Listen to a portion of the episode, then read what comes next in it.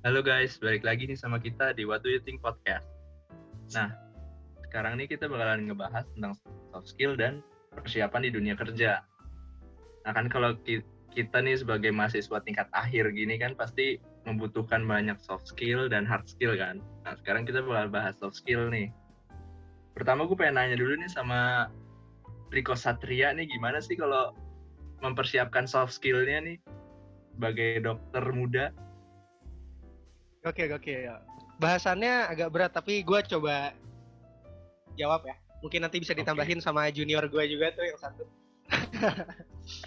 Jadi kalau gue ya uh, dari bidang gue sih dari awal diajarin kita tuh ada namanya five star doctor. Jadi uh, salah dua dari poin dari five star doctor ini adalah komunikasi sama uh, manager. Jadi menurut gue soft skill yang mungkin dari gue sendiri yang paling sering akan digunakan ada salah satu pertama komunikasi. Jadi gue diajarin sama guru gue bahwa kita ngomong itu bukan bahasa Indonesia atau bahasa Inggris atau bahasa buku, tapi kita ngomong bahasa pasien. Jadi uh, kita biar bisa tahu ngobrol sama pasien, dekat sama pasien gitu. Jadi pertama itu pertama komunikasi. Yang kedua manajer. Jadi uh, menurut gue juga ini berguna karena mungkin kalau dari gue dokter kan kalau di lingkungan kerja nanti sebagai pemimpin timnya gitu kan. Karena kita kerja sama sama perawat, bidan dan lain-lain. Uh, jadi uh, kalau dari dokter sendiri dituntut bisa mengatur dan memanage timnya ini gitu. Jadi kayak dia bisa nentuin pekerjaan, dia bisa mengevaluasi, dia bisa mengatur lah pokoknya timnya supaya bekerja dengan benar gitu. Dan menurut gua kalau lu tanya, uh, menurut gua bukan hanya five star doctors kan, pasti ini bisa di mengimplementasikan ke pekerjaan lain gitu kan. Jadi nggak cuma five star doctors ya kayak uh, five star teknik sipil dan five star designer kan iya, juga pasti siap. membutuhkan membutuhkan dua itu sih kalau menurut gua yang selama ini gua latih dan di uh, koas pun uh, banyak gua praktekin sih gitu. Paling itu sih kalau iya. dari gua sih. Itu Rick, apa namanya kan tadi lo bilang kan lo belajar misalnya kayak komunikasi kan yang tadi lo sebut lumayan paling penting kan ibaratnya bisa dibilang salah satu poin paling penting tuh yang harus lo bisa pelajari. Nah itu lo ada ada tantangan tersendiri nggak untuk bisa menyesuaikan? Maksudnya soalnya kita dari bahasa sehari-hari sama bahasa buku bahasa apa dan bahasa pasien kan pasti beda. Itu gimana lu cara adjustnya gitu? Bener sih e, ditambah lagi kan gue prakteknya di Bandung ya selama ini dan gue e, apa ya gue asli Jawa dan besar di Jakarta gitu tapi gue sekarang praktek di Bandung yang bahasanya Sunda gitu dan gue emang okay. agak butuh beradaptasi dengan itu sih untuk berkomunikasi gitu. Eh, emang Harus. orang sana nggak bisa bahasa Indonesia aja gitu pak? Nah jadi emang kan oke okay, mungkin banyak orang yang bilang sih kayak emang nggak bisa ya orang-orang Indonesia ngomong Indonesia gitu.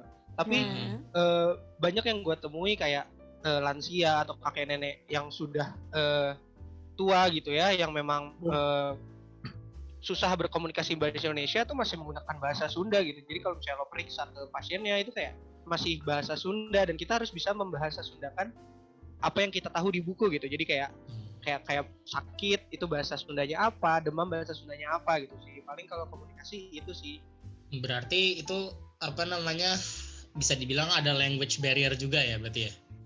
ya nggak sih kayak bener kan yeah, maksudnya yeah, selama ini kan hmm. kita dengan santai aja bahasa Indonesia atau even misalnya bahasa Inggris gitu cuman kayak tiba-tiba harus di flip ke bahasa daerah itu hitungannya berarti menurut gua language barrier juga yang harus lu pelajari gitu oke okay. jadi dilanjutin dulu nih sebenarnya kita kan punya satu lagi nih yang dokter muda iya. nah kalau dari pandangan dokter muda yang cewek nih gimana nih Hai guys, gue baru muncul sekarang ya. uh, kalau menurut gue sih saat-saat ini kan berhubung gue belum kelas juga ya Riko mungkin lebih banyak bisa mengadaptasikan yang dipelajari sama dunia nyata. Karena udah uh, itu kan udah masuk ke bidangnya udah masuk ke prakteknya. Kalau gue sendiri sih uh, komunikasi sebenarnya nggak banyak ya karena gue belum mem mempraktekkan secara langsung cuman basically sama lah kayak Riko kayak emang kita harus lebih pintar-pintar uh, soalnya kita kan belajar bahasanya banyak kan bahasa Latin misalnya. Itu pun yang menjadi apa ya? Gue stumbling secara personally untuk uh, menjelaskan ke orang ataupun ke pasien kan gue kalau di kampus uh, masih sama pasien bohongan, masih pasien simulasi. Hmm. Itu tuh mereka memang orang awam gitu, cuman udah dilatih untuk mengetahui skenario nya akan menjadi apa. Nah itu pun gue masih stumbling di mana mereka masih kayak itu maksudnya apa ya? Itu gimana ya? Dan kadang pun gue stumbling mengerti apa yang mereka maksud gitu. Kayak misalnya mereka masih nggak bisa bedain antara sakit kepala sama yang namanya pusing sama yang namanya keliengan. Nah itu yang menjadi salah satu itu lagi language barrier itu di mana gue harus bisa mengerti apa sih ini yang si pasien maksud. Kalau di bidang gue saat ini dan maksudnya yang gue rasain sih seputar itu sih. Maksudnya yang gue pahami yang gue uh, bisa mengerti dan yang pasien mengerti itu kadang beda gitu. Terus kayak itu deh. Kalau gue untuk di bidang kedokteran ya gue ngelanjutin apa Riko ngasih tahu apa yang Riko tadi bahas. Berarti Oke. kalau yang gue tangkap juga selain apa komunikasi kayak tadi berarti kemampuan analisis itu juga harus dilatih ya nggak sih?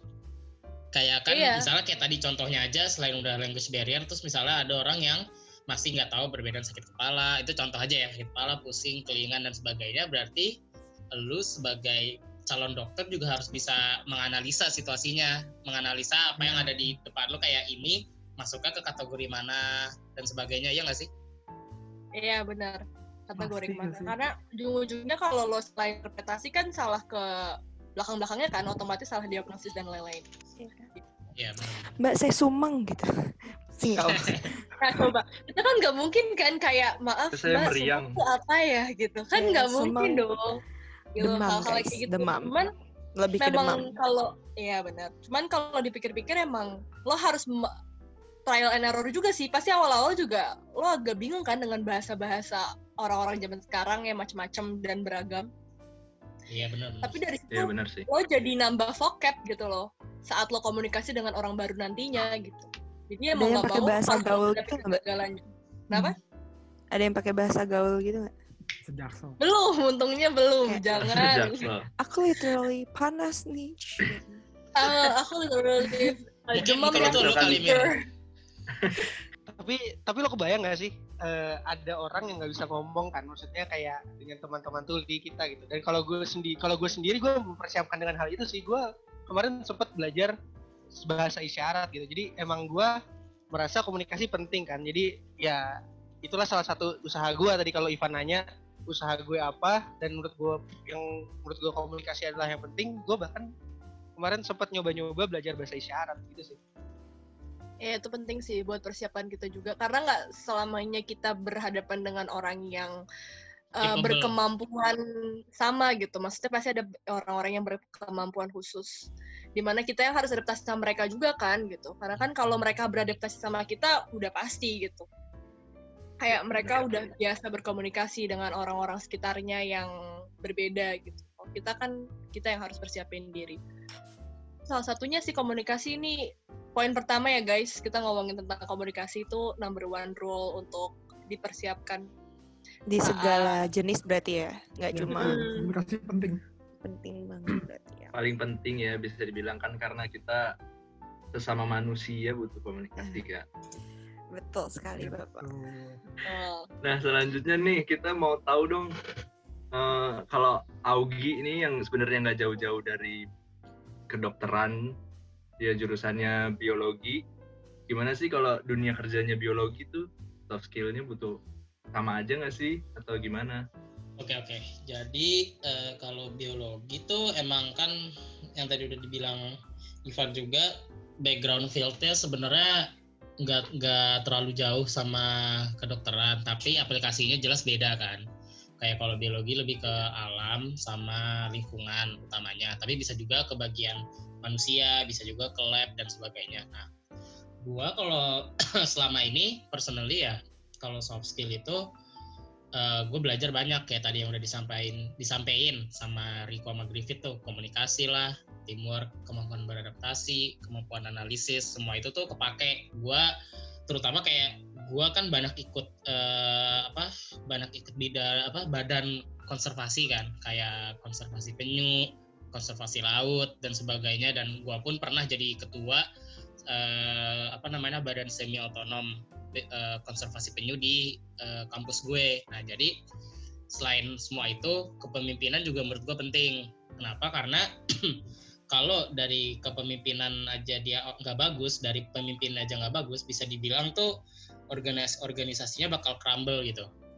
Mungkin kalau misalnya emang apa namanya orang-orang yang anggotanya pada kompeten nggak masalah cuman jadinya nggak ada direksi. Nah makanya itu gue belajar itu dari pengalaman gue sendiri karena gue waktu itu langsung masuk ke organisasi terus jadi ketua jadi gue langsung benar-benar belajar dari nol. Nah tapi untuk soft skill sih ya rata-rata penting terutama kalau di biologi itu luas. Misalnya oke okay, kalau dokter jelas nih kita uh, misalnya kerja di rumah sakit atau buka klinik terus kita treat pasien tapi kalau biologi itu luas. Lo mau ngambil bidang di lingkungan bisa di hukum lingkungan bisa di badan konservasi bisa lu bisa apa konservasi hewan konservasi tumbuhan pun lu bisa jadi pendidik jadi guru jadi dosen atau lu bisa juga kerja di lab. Atau malah uh, bisa background biologinya itu bisa buat fotografi atau wildlife hunting apa wildlife photography dan lain-lainnya. Nah itu kayak gitu itu banyak. Makanya kalau untuk soft skill itu tuh sebenarnya luas banget. Jadi bisa dipakai ke mana-mana dan network orang-orangnya juga harus bisa dilakuin. Karena kayak gue kemarin ini uh, alhamdulillah ya punya kesempatan buat walau apa kerja atau kayak magang di salah satu perusahaan apa namanya yang bidang bidang konservasi di Indonesia dan itu lumayan. Gue harus komunikasi gue harus bagus gue punya supervisor jadi gue harus bisa ngasih report ke dia gue harus bisa problem solving berpikir kritis dan sebagainya. Karena pas gue kerja itu gue kerja kayak apa gue harus kayak mini seminar. Jadi gue kerjanya kerjanya tuh di airport terus gue harus bisa ngasih penyuluhan atau ngasih apa namanya mini exhibition ke orang-orang. Nah itu gue harus bisa komunikasi gue harus time management gue bagus gue harus ngumpulin data seberapa banyak plus uh, eh, gue harus public speaking gue juga harus bagus. Jadi gue harus bener-bener basically soft skill harus bisa semua. Tapi menurut gue yang paling kritis itu yang paling penting tuh setelah komunikasi yaitu harus bisa beradaptasi juga. Karena pas gue kerja itu setelah di briefingin apa pas gue kerja ya terkadang beda. Ada yang audiensnya dikit ada yang audiensnya banyak ada yang kurang ini kurang itu. Materinya ada yang jelas ada yang enggak. Jadi gue harus beradaptasi on the fly kayak oke okay, gue kalau misalnya ternyata kayak gini berarti gue harus bisa kayak gini gini gini. Jadi gue harus bisa basic harus bisa ngelakuin semua sih. Kayak soft skill menurut gue kepake semua ya, gitu. banget. Harus lengkap ya jadi ya soft skill mm -hmm. yang kita punya tuh sebenarnya harus lengkap kan betul betul. Tapi cara lo kan maksudnya udah masuk ke field kan? Maksudnya hmm. lo udah pernah masuk field tuh sebelumnya. Cara hmm. beradaptasi yang baik tuh maksudnya buk, uh, peran konkretnya tuh gimana sih? Kayak itu kan susah banget gitu loh. Kita aja masuk SMA ke kuliah adaptasi susah banget tuh. Nah hmm. lo tuh gimana cara bisa menangani diri lo untuk bisa kayak easily adapt to a new environment? Uh, terutama uh, gimana ya? Kayak kalau misalnya gue beradaptasi dengan new environment itu mainly karena gue sering gue kebantunya itu karena gue sering ke alam sih. Ke alamnya tuh literally yang gue ke hutan gue ke pantai gue ke laut.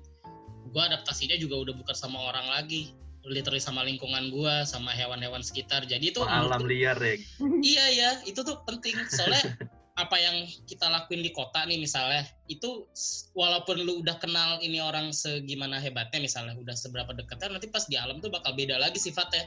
Sifatnya bakal sifat yang lain bakal keluar. Makanya adaptasinya harus penting. Kayak intinya satu kalau adaptasi kita nggak boleh egois. Kenapa nggak boleh egois? Karena kalau kita adaptasi berarti kita kita ngerubah apa diri kita untuk bisa berada di lingkungan tersebut. Oleh karena itu kita nggak boleh selalu eh, apa namanya ngasih apa yang kita pengen. Yang menang sendiri gitu. Iya kayak kita harus kadang apa namanya sacrifice. Harus bisa berkorban kayak oke okay, gue nggak terbiasa di situasi ini. Ya gue harus make the best of it gitu. Dan harus lihat okay. bigger picture-nya kenapa kita mau ngelakuin ini karena misalnya kita mau ada sesuatu yang mau kita capai gitu kayak misalnya oke okay, gue mau gue mau kalau di bidang gue ya gue mau bisa konservasi penyu ya berarti gue harus bisa tahan berat tiduran di pantai tiduran di tanah lah kehujanan apa gimana tapi lu bisa ngelewatin itu kalau lu bigger lu tahu bigger picture-nya apa dan lu bener-bener determine untuk apa meraih yang lu capai Oh. gitu. Jadi nih kalau dari kesimpulan pengalamannya Augi nih di alam liar sana bisa diambil kesimpulan kalau lu ke ke alam itu otomatis lu harus melatih semua soft skill yang dibutuhkan Iya benar. entah itu teamwork, time management, pemimpinan, berpikir kritis. Iya. Oke oke oke oke. Nah, sebelum kalau- ke sebelum ke puncaknya nih yang sudah kerja kita yang terakhir tanya nih ke Farel. Kalau dari pengalaman lo gimana sih Rel tentang soft skill ini? Yang kepake banget di lo apa sih? Nah, kalau di gue semuanya penting, semuanya penting. Jurusan gue aja namanya desain komunikasi visual. Ada tuh ada kata-kata komunikasi di jurusannya. Itu jadi kalau lu nggak bisa komunikasi, gimana caranya klien percaya dengan desain lo? Gitu. Terus kemarin waktu gue magang juga time management, terus teamwork communication, kemampuan beradaptasi juga itu penting banget. Soalnya kalau lu nggak bisa adaptasi dan lu nggak bisa teamwork kelar hidup lo di bidang itu. Eh, Kalau Iya, time management gimana di itu lo? Di apa Bidang lo. time management juga sebenarnya penting. Semua semuanya semuanya penting sih di mana-mana time management tapi kalau misalnya misal nih Riko atau Ivan mau nikah bikin undangan ke gua. Bikin undangan ke gua. Kalau misalnya undangannya jadi hamin satu hari H kan tuh nggak mungkin dong. Itu nggak Hmm, mungkin. Jadi harus harus Iya betul. hmm, sangat tidak mungkin guys. Iya Kalau jadi harus bisa mengatur waktunya dengan benar ya kan. iya betul. Oke jadi dicatat ya nanti kalau misalnya gue bikin undangan gue ke lo ya. ya Oke, Gratis siap. nggak sih? Gratis Eh, kan? Harusnya harusnya. diskon nih. temen boleh diskon temen lah malah malah menurut menurut gua kalau temen yang bikin jangan gratis full harga gitu. kita bantuin itu temen sukses begitu guys Oh, gitu. Oh benar guys benar, contoh tuh itu. terutama Farel yang fieldnya itu client based ya nggak sih jadi Tuh, kayak maksudnya itu bakal bisa ngebantu gitu dan juga gue client base itu ngerasa susah soalnya gue di desain ya. Jadi impresi orang-orang terus selera orang-orang itu beda semua. Jadi ada yang menurut gue bagus ada yang menurut orang lain bag jelek ada yang menurut gue jelek menurut orang lain bagus. Subjektif ya? Tuh hmm betul. Oke oke oke oke. Berarti eh, banyak ya tadi yang udah disebutin soft skills apa aja yang bisa kita pakai, bisa yang kalian pakai buat masuk ke dunia kerja. Nah, eh, satu orang nih yang udah kerja, gimana? Lo menerapkannya nggak sih? Atau lo sebenarnya nggak segitunya sih di dunia kerja gitu? Gimana Mir? Ya, kalau gue sendiri sih semuanya kepake ya si soft skill yang dari tadi udah diomongin komunikasi, time management juga, terus uh, kemampuan beradaptasi juga gitu kan. Karena sebutlah gue nih uh, gue bekerja di bidang community development, jadi uh, gue bekerja bersama beberapa komunitas di beberapa daerah juga. Jadi gimana kita uh, apa namanya harus adaptasi dengan perbedaan pandangan juga kan gitu di sini. Gitu. Terus time management juga dari satu task ke task lainnya lagi gitu kan. Itu kan juga harus di ini ini ya eh, dari satu task ke task lainnya juga itu em, butuh time management juga. Karena kita kan nggak mungkin eh, ngerjain cuma satu em, apa ya satu tugas tapi kan kita juga banyak juga gitu. Terus communication juga itu paling penting karena em, percuma gitu loh kalau punya yang lainnya tapi kita nggak bisa komunikasi. Kenapa? Karena kita harus komunikasi sama sama teamwork juga sama atasan juga gitu kan sama em, yang lain-lainnya juga yang kegabung sama sistem kerjanya di situ gitu sih gitu sih kalau gue. Jadi menurut gue soft skill tuh sangat dibutuhkan di eh, apa namanya dunia kerja sih. Dan ada beberapa yang menurut gue penting banget ya kayak collaboration itu juga soft skill yang dibutuhin. Terus time leadership juga itu itu dibutuhin juga gitu kan. Karena lo nggak nggak mungkin selalu jadi member nggak mungkin selalu jadi anggota tapi lo juga kadang dituntut buat me- me-lead sesuatu gitu. Memimpin gitu ya? Di iya kayak memimpin gitu. Either either mulai percakapan di suatu grup kah itu kan juga Mm-mm. dorongan lah gitu. Tuh. Oke, eh tapi di dunia percintaan juga kepake loh. Maksudnya kayak soft Apa skill aja? gini nih. biasanya itu? Coba lu jelasin dong, jelaskan. Apa, maksudnya apa, gimana?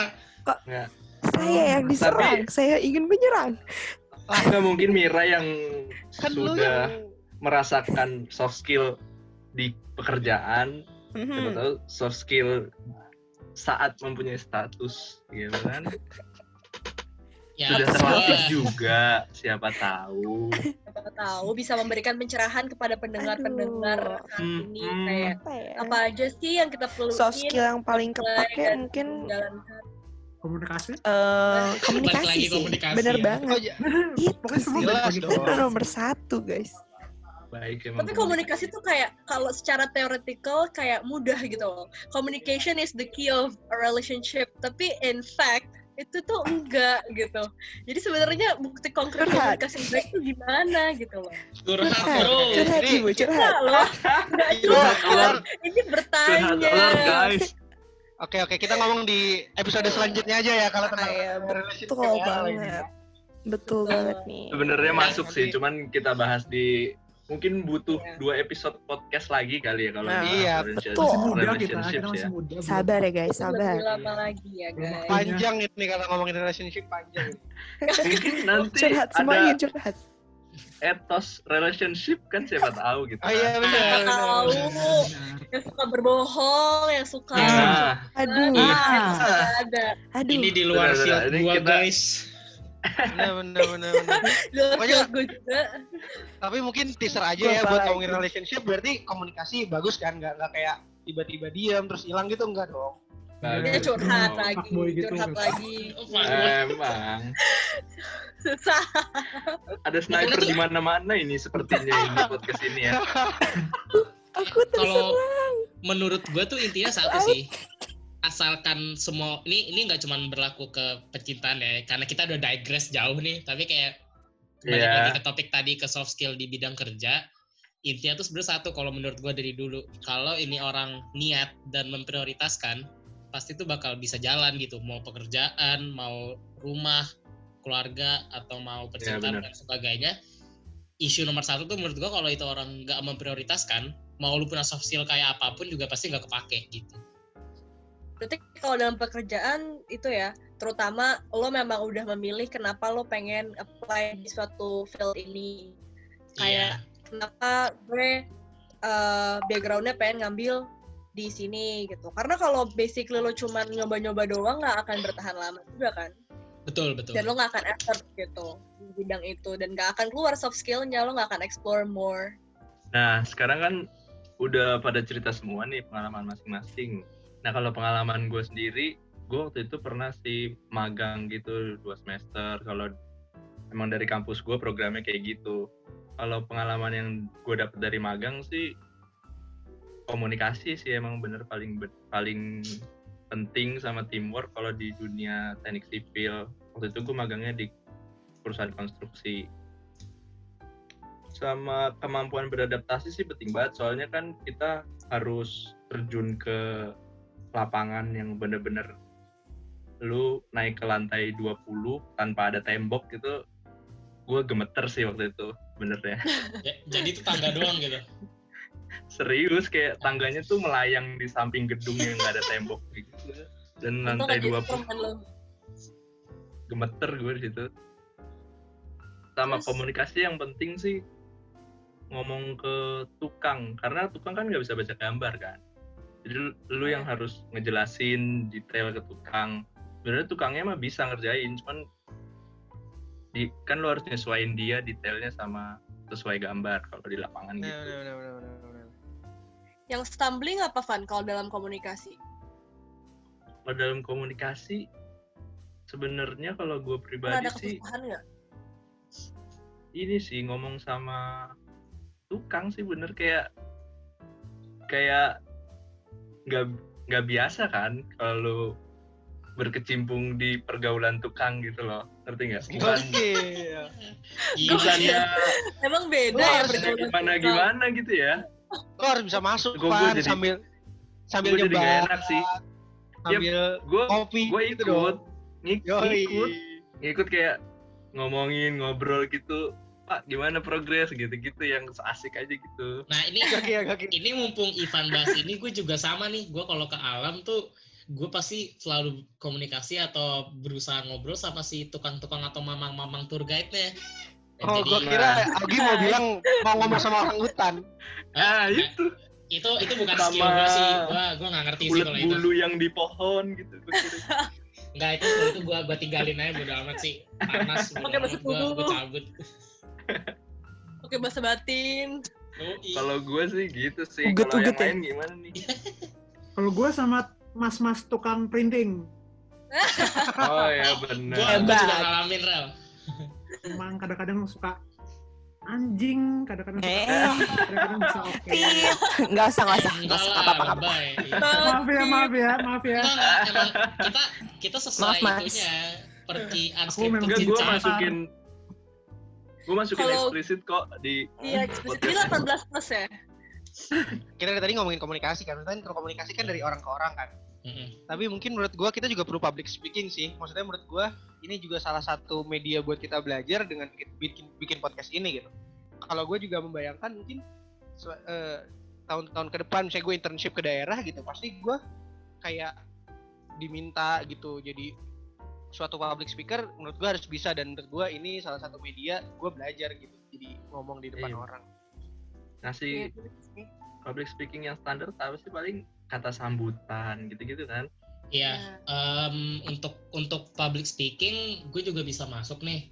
Karena since gue pernah jadi ketua badan semi otonom itu obviously kayak kalau gue bikin seminar gue misalnya ngasih materi atau ngasih apa namanya eh, sosialisasi ke masyarakat itu kan obviously yang pertama kali ngomong gue kan. Nah Iya. itu asli gue itu orangnya sebenarnya nggak bisa public speaking jujur pas gue lulus SMA itu tuh gue masih nggak ngerti caranya.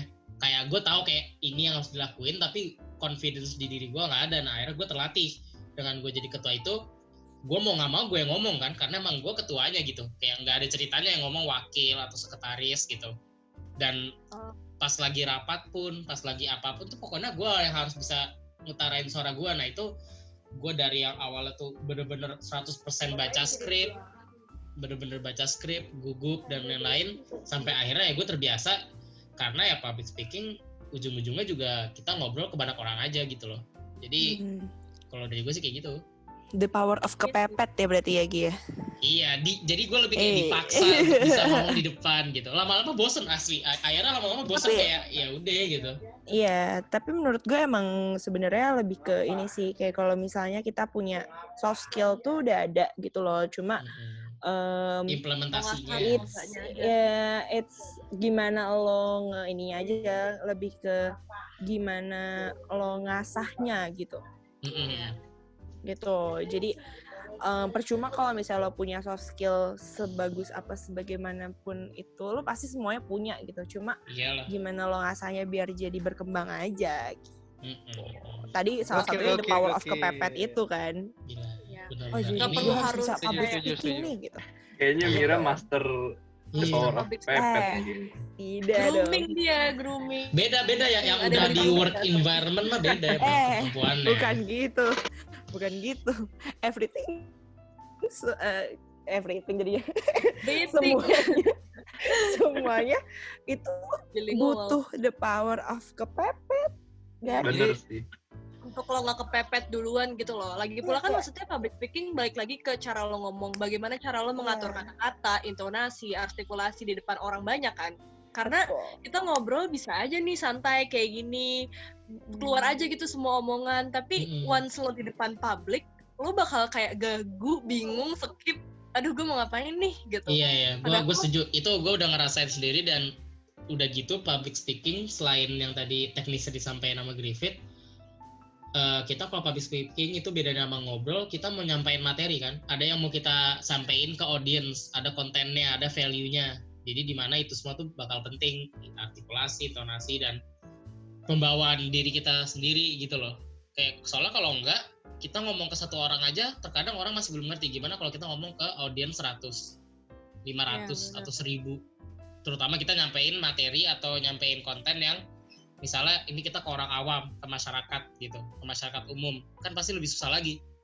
Itu jadi pentingnya. Iya, Nah, Ya, pemahamannya beda-beda lah pasti kan setiap orang juga iya. sebenarnya kita juga mungkin pasti apalagi kalau anak kuliahan biasanya presentasi dong kasus lah atau presentasi apa pun itulah tidak Gak ada kasus sih kalau gue.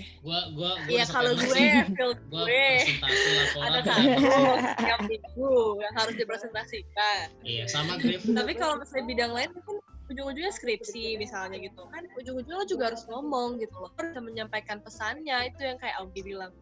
Pasti at first bakal kayak aduh nggak bisa nih gue. Aduh kalau bisa orang lain deh aduh gue nggak nggak Iya, sanggup sanggup aduh gue takut malu nih takut diketawain orang.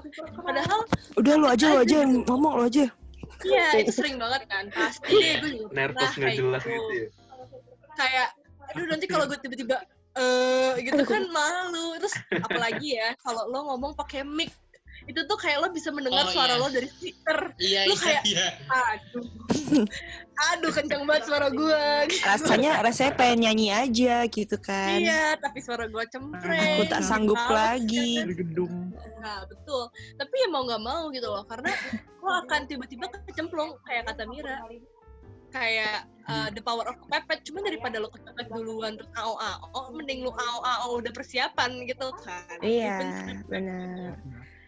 Dan dan menurut gue the power of kepepet tuh bukan yang kayak hari H gitu ya. Maksudnya kepepetnya adalah kayak tadi Augie, gue dibutuhkan nih untuk ngomong, ya udah berarti gue harus belajar untuk ngomong gitu. iya Jadi uh, the power of dorongan secara tidak langsung gitu loh yang mengharuskan lo belajar ngomong di depan publik. ya itu segala istilahnya. situasi lah Iya, kayak nggak apa ya? Ya sebenarnya lebih baik dipersiapkan dari jauh hari sebelum kepepet sih, diasah dulu. Cuma kalau emang Susah ya? cuma kan manusia ya gitu kan. Ada mohon maaf gitu kan dimaklumin aja gitu. Terus apalagi sih biasanya tuh yang dibutuhkan? Tadi tuh uh, networking. Perlu banget gak sih sebenarnya? Kayak menurut gua perlu sih. Gua ada contoh sih kayak misalnya gue eh, ada pasien nih datang misalnya dia dengan penyakit tertentu gitu. Kan kadang-kadang kita juga eh, harus tahu nih misalnya kayak ada rumah singgah atau eh, support group atau kayak organisasi-organisasi yang bisa membantu dia gitu. Di yang bukan di dalam rumah sakit jadi kita juga harus tahu network di luar rumah sakit kayak ada NGO atau GO yang bisa ngurusin pasien kita kita harus tahu kalau dari gue. Oh iya sih gue nonton gitu Rick. Jadi gue nonton lagi gue lagi nonton drama tentang Oke, gue pecinta drakor. Gue lagi nonton drakor tentang tentang ini, tentang tentang rumah sakit gitu. Sakit, medical oh, drama. Gue ngeliat di situ kayak ternyata nggak cuma skill, sorry, bukan cuma ya, maksudnya ternyata eh, bukan hanya skill hard skill ya. Kalau dokter kan eh, Ya, belajar kan dipelajarin Eh, hard skill itu, tapi juga soft skill kayak eh, dia communicate sama pasien itu dipentingin, eh itu penting banget. Dan dia communicate sama other eh, organization yang bisa bantu, benar kata Riko tadi. Kayak Iya, ada ada ada ada lembaga-lembaga yang bisa ngebantu kayak lembaga em, pokoknya adalah salah satu sini kayak transplant transplant gitu. Oh berarti dia harus ngehubungin eh, lembaga yang ngurusin tentang transplantasi gitu gitu iya tapi itu bener loh kayak maksudnya gue belajar sendiri banyak pun- loh bisa jadi itu dokter nih gue itu bener banget. Kayak soalnya gue Ya sendiri nggak kan gitu juga mengalami dong. ya nggak gitu juga.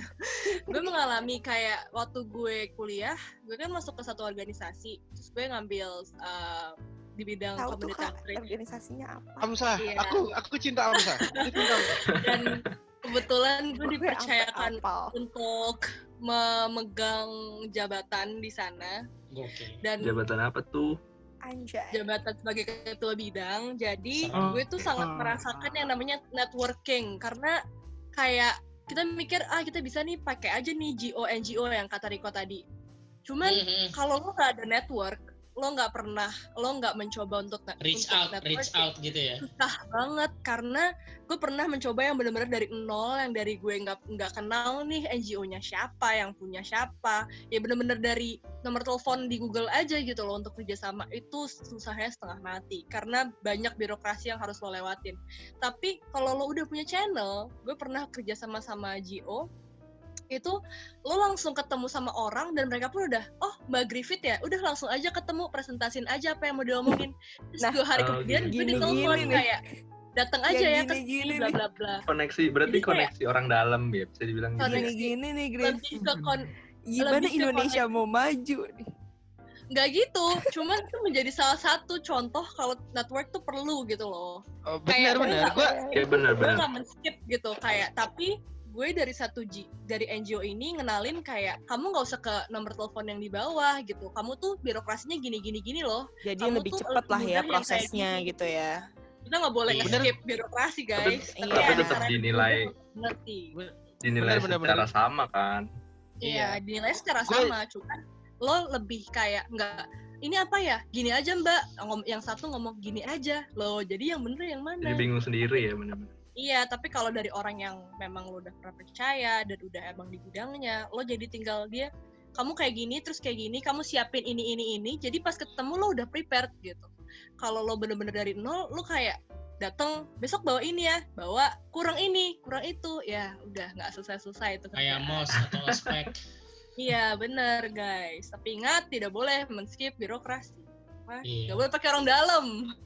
gue sih Networking juga bukan orang dalam ya. gue gue sih juga itu ya satu ya kayak Iya, kalau misalnya kita udah kenal orang ya dan misalnya orang yang di orang yang di posisi tersebut sudah mengiyakan kita pun juga harus bisa memanfaatkan link yang kita punya gitu kayak itu berarti advantage buat kita gitu loh kayak maksudnya Iya bener.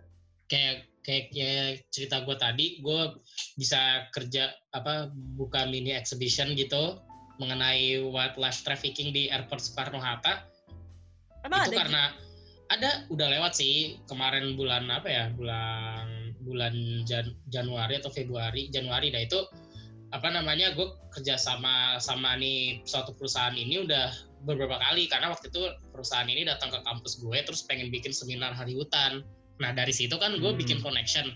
Nah gue tetap keep close connection aja. Kayak nggak usah malu kayak bener-bener kayak misalnya eh, ada kesempatan magang nggak atau gimana? Atau misalnya kayak butuh outsource nggak butuh freelance nggak atau gimana? Gue reach out terus sampai akhirnya gue ya alhamdulillah bisa dipekerjakan lah beberapa kali dua sampai dua sampai tiga kali. Dan akhirnya ada benefitnya juga gitu makin ke sini kayak jadi makin kenal. Kan kalau misalnya kita nggak kenal kita bisa aja tapi kayak harus lewat front office dulu harus bikin Ya. schedule dulu. Iya benar. iya kalau bisa Ya, ketemu. dulu Kalau- kalau misalnya bisa ketemu alhamdulillah ketemu ntar kita harus pitch in dulu dan lain-lain kan susah ya kalau udah kenal gini kan oke dia tahu skill kita apa kita tahu di perusahaan apa Iya. jadi kita bisa ketemu middle groundnya kayak gitu Jadi Ya, udah sama dikenal harus juga kan. reach out. Iya, harus berani reach out. Kalau enggak, kalau lo minta dihubungin terus dan lain-lain, nggak akan nggak akan Jadi berguna putus ya networkingnya. jadi gitu. putus Iya, gitu loh lo yang harus mau nggak mau ada apa nih bisa bantu apa nih gitu karena apalagi kayak bidang-bidang gede gitu kan kayak Augie mau kerja sama orang juga susah kan? Nggak Iya, mungkin dan- dong dia yang kayak Augie saya butuh pekerjaan saya butuh mempekerjakan ini kamu skillnya apa? Kan nggak mungkin. Iya makanya. Dan kesempatan itu tuh kalau kita udah dapat kalau bisa jangan kita miss karena itu juga kesempatan buat kita buat ibaratnya sell ourselves gitu loh. Masalah untuk mempromote ourselves gitu. Kayak kita ini bisanya apa nih? Soalnya kita udah masuk dunia kerja itu pasti kita lawannya itu tuh dari satu dunia gitu loh. Nggak cuma dari Indonesia doang Benar. Iya kayak benar. maksudnya semua orang tuh musuh kita even teman kita gitu apalagi teman yang sebidang itu tuh udah pasti bisa jadi enemy number one kalau kita mau masuk di bidang pekerjaan yang sama gitu loh makanya kayak Kalau kita punya Rico heads- berarti kita punya head start ini ya kita harus bisa manfaatin gitu iya benar-benar Iya, tapi kalau nggak ada salahnya juga Rico Iya. Tapi Nah, nggak ada kita juga untuk saling membantu ya kan. Ya, Asasnya kita teman asasnya sejawat. Iya. kesejawatan. Ya, Beda Oke, guys, siap. kita beda Ya, guys. kita nggak Kalau mau Kita- kalau mau tikung-tikung ngomong. Yoi. Iya. Malah kalau ada opportunity Ya, kita kasih tahu yang lain buat ngajak yang lain gitu gak sih? Iya. Iya. Ya bisa Iya, jadi tikung, bisa jadi ngajak, tergantung tawarannya. Tergantung tanggapannya ya. Nah, tergantung, gitu kan. tergantung. Terus gue setuju gue juga agak eh, apa namanya setuju kenapa soft skill penting karena ternyata nih guys gue eh, beberapa kali ya menghadapi eh, orang-orang yang bekerja di luar bidangnya apa yang di apa yang di iniin apa yang dipelajarin gitu Ya jadi Oh. kayak hard skill-nya di apa, tapi iya kerja hard di mana di gitu apa kan. tiba-tiba dia kerja di mana gitu Terus Berarti kalau pinter doang tahu lah gue banget kan Mir? kenapa Berarti kalau pinter doang nggak nggak terlalu me- Iya. menjanjikan dong, ya nggak percuma ah ya percuma Iya, benar. tadi kan yang gue udah bilang percuma punya hard skill yang bagus tapi ternyata soft skillnya rendah Iya benar-benar. Bener tuh susah kalau kayak gitu. betul banget guys Kayaknya pembicaraan soft skill ini kayak seru banget. iya Seru banget. Kita yang dan gak ada habisnya sebenarnya sebenarnya sih soft skill ini kayak kita nggak bisa punya satu doang gitu kan. Harus punya Ah. semuanya yang kita gabungin menjadi kemampuan kita gitu kan. Bener, Yap. bener banget. Nah, jadi kan topiknya menarik banget nih kayaknya soft skill dan persiapan memasuki dunia kerja. Dan bisa disimpulin kalau kita tuh nggak bisa punya satu soft skill doang dan semua tuh harus jadi satu kesatuan yang menjadi kemampuan kita untuk menghadapi dunia kerja gitu kan. Setuju. Dan udah dijelasin juga kan dari bidang kita masing-masing yang kita punya background berbeda-beda Iya bener banget. dan masih banyak lagi konten-konten What Do You Think podcast yang bermanfaat di ke depannya. Sampai ketemu lagi di episode selanjutnya di What Do You Think podcast ya. Tetap tungguin terus episode kita. Bye. Bye. Bye.